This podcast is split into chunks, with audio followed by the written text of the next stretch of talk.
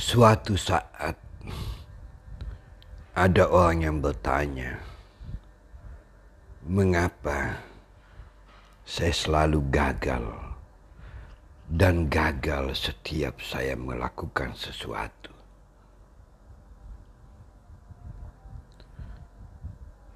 Kemudian dia menyatakan bahwa sepertinya saya sangat dekat dengan kegagalan. Lalu saya menyatakan bahwa sesungguhnya Adinda tidak gagal.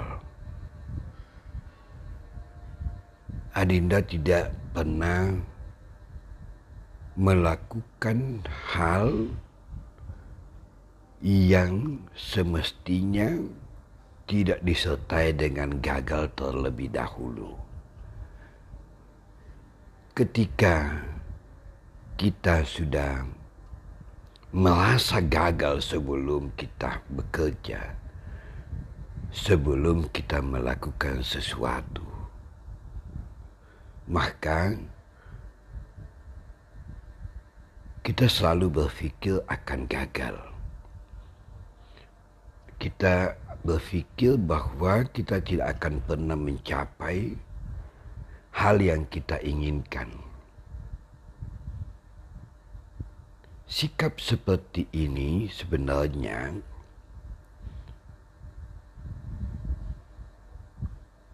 justru berkebalikan dengan apa yang sesungguhnya ada dalam pikirannya. Karena dalam otak kita, dalam cara berpikir kita, itu banyak sekali hal yang bisa kita temukan di situ. Banyak jalan atau cara yang bisa kita tempuh tanpa harus disertai dengan kata gagal.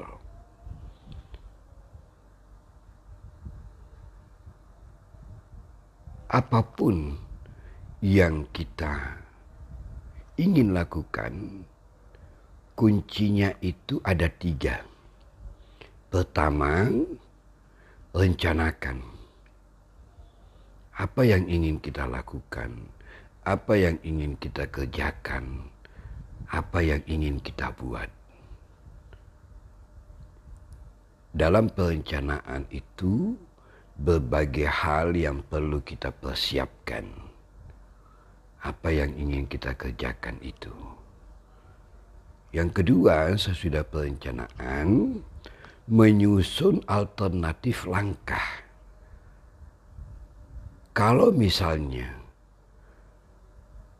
kita ingin membongkar suatu kasus, maka kita harus terlebih dahulu tahu apa penyebabnya kasus itu. Dengan mengetahui sebab, maka itu akan memudahkan kita mencari jalan pemecahannya. Alternatif solusi yang dipersiapkan untuk menjadi suatu solusi yang kita ingin lakukan. Selain rencana-rencana tadi dan menyusun langkah yang akan kita tak lakukan dengan mengetahui sebabnya, maka alternatif solusi yang sudah tersedia kita memilih solusi itu menjadi satu tujuan, satu hal yang akan kita kerjakan karena kita sudah menemukan apa penyebabnya. Langkah berikutnya setelah, setelah tahu sebab itu, kita akan membuat skema atau bagan ataupun metode atau cara untuk kita bisa memecahkan masalah tersebut. Pilihan-pilihan yang tersedia di dalam sebuah pemecahan masalah atau problem solving itu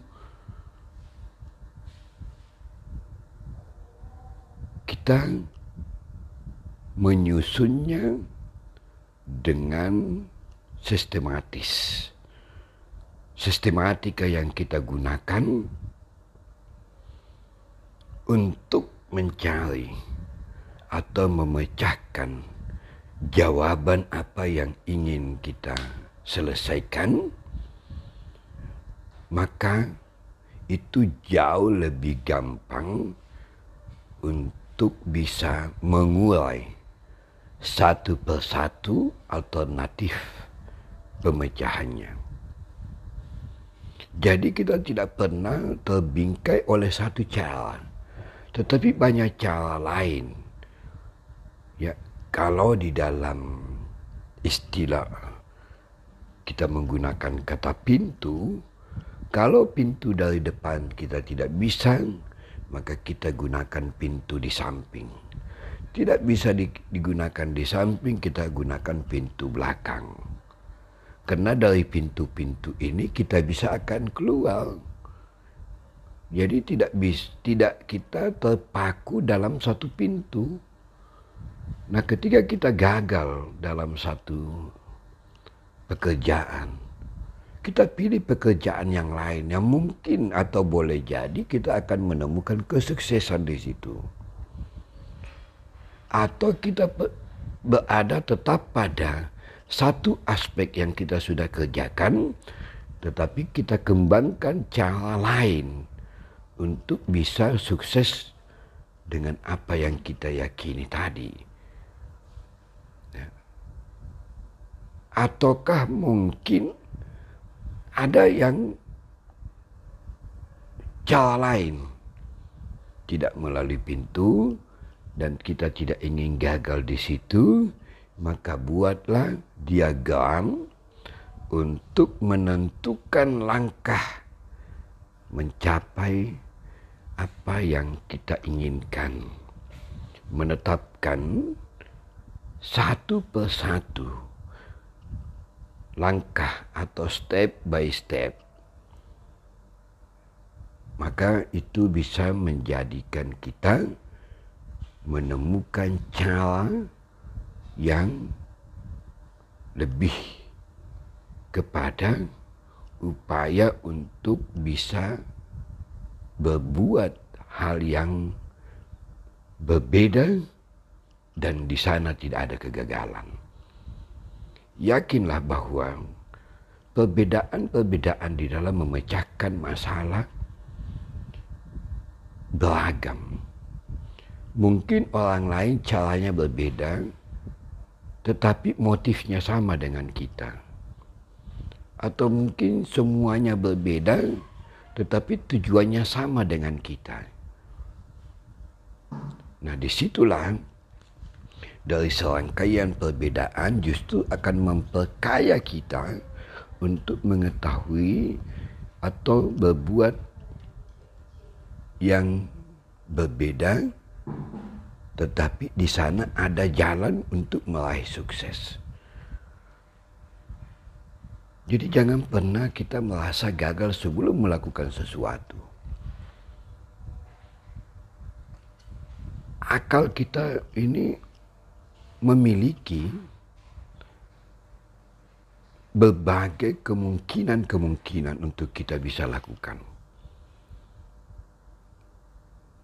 Terlebih kalau kita memiliki keterampilan, memiliki naluri, insting, kaya dengan kreasi, luar biasa.